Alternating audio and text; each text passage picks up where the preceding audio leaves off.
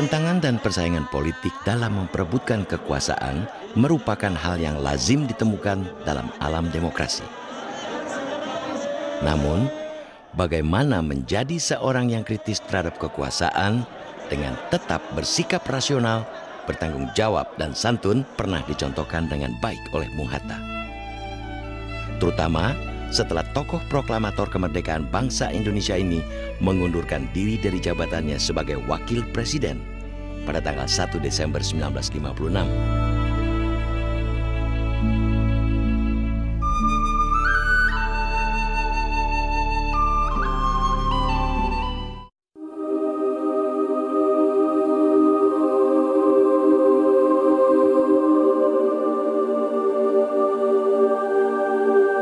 Adalah salah satu paragraf dari surat pribadi Muhammad Hatta yang dikirimkan pada Presiden Soekarno pada tanggal 27 Februari tahun 1957. Surat ini dikirim Bung Hatta untuk mengkritik tindakan Soekarno yang getol menyebarkan konsepsi demokrasi terpimpin yang hendak membawa PKI masuk ke dalam kabinet.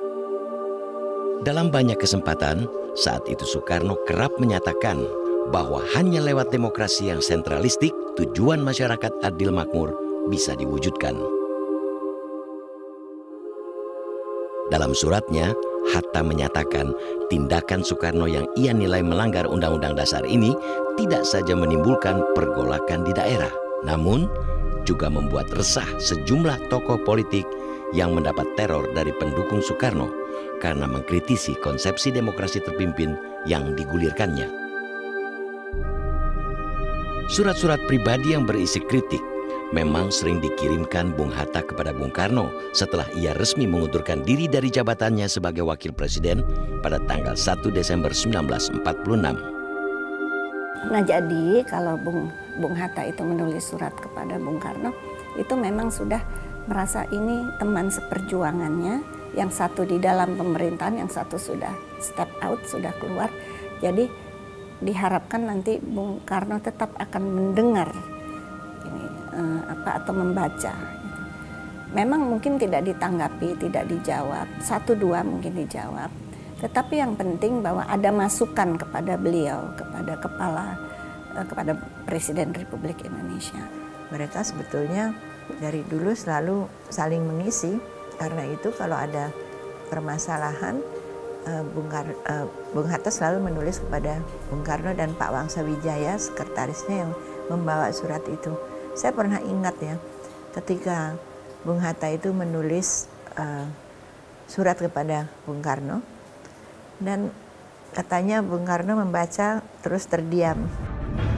Tak ada yang tahu persis apa alasan Bung Hatta mengundurkan diri. Beberapa analisis menduga Hatta mundur karena kecewa dengan jalannya pemerintahan dan posisi jabatannya yang tidak memungkinkan ia berperan maksimal dalam pemerintahan. Kala itu, pemerintahan RI memang bercorak demokrasi parlementer. Dalam sistem pemerintahan ini, kerja-kerja eksekutif menjadi domain kekuasaan dan wewenang kabinet yang dipimpin seorang perdana menteri sementara presiden dan wakil presiden hanya menjadi simbol negara belaka. Jadi di mana-mana beliau pergi, banyak rakyat meminta uh, bantuan perhatian ini itu. Tentu saja Bung Hatta juga sangat mengerti, tetapi ketika sampai di uh, di parlemen, uh, artinya di dalam prakteknya tidak dipenuhi oleh karena anggaran dan sebagainya harus ada persetujuan tentu dari parlemen dan ini karena tidak sinkron, tidak segera dibuat aturan-aturannya, jadi beliau merasa seperti janji kosong. Dan beliau tidak bukan bukan sifatnya, ya. Sehingga beliau mengatakan saya ingin mengundurkan diri. Pertama tidak digubris.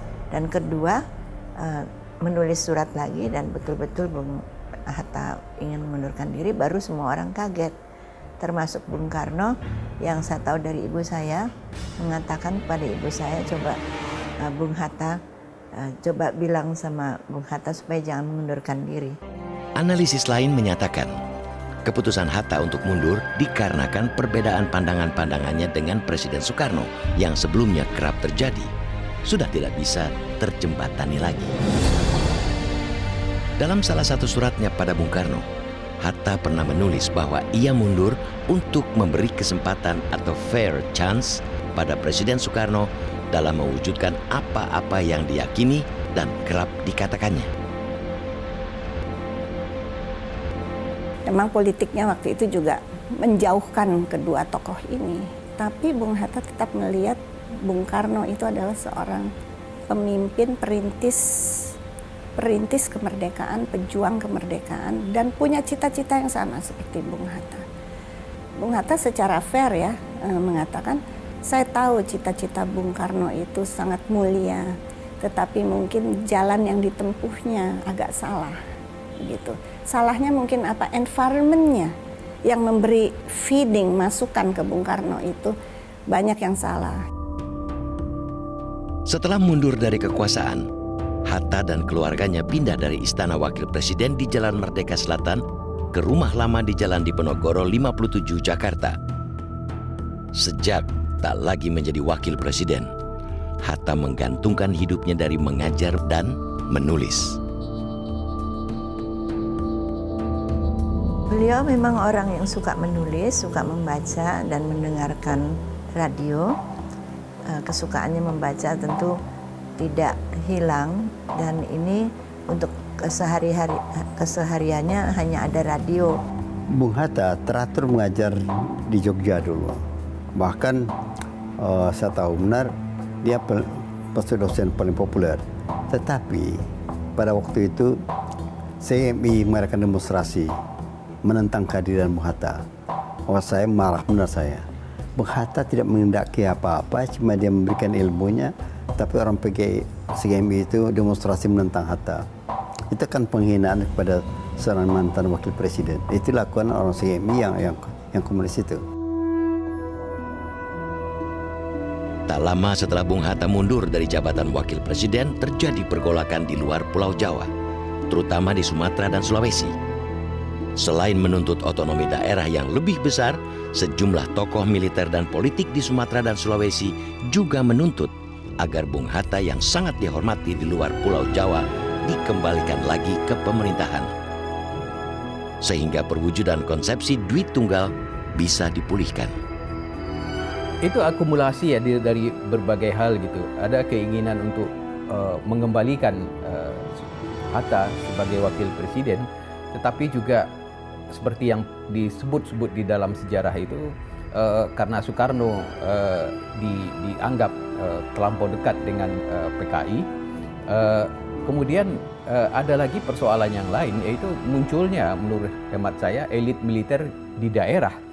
Uh, nah, saya lebih cenderung uh, kepada yang terakhir ini. Uh, kelompok yang terakhir ini yang yang uh, melakukan uh, pemberontakan.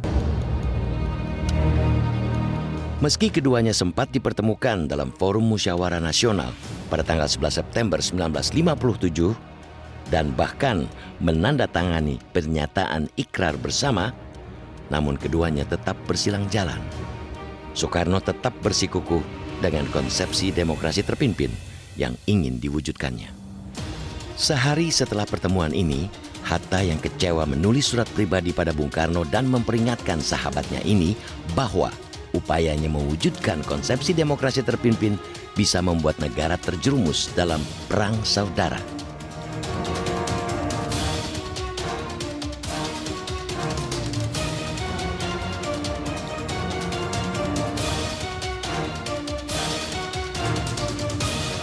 Pandangan dan nasihat-nasihat Bung Hatta tidak banyak diindahkan Presiden Soekarno.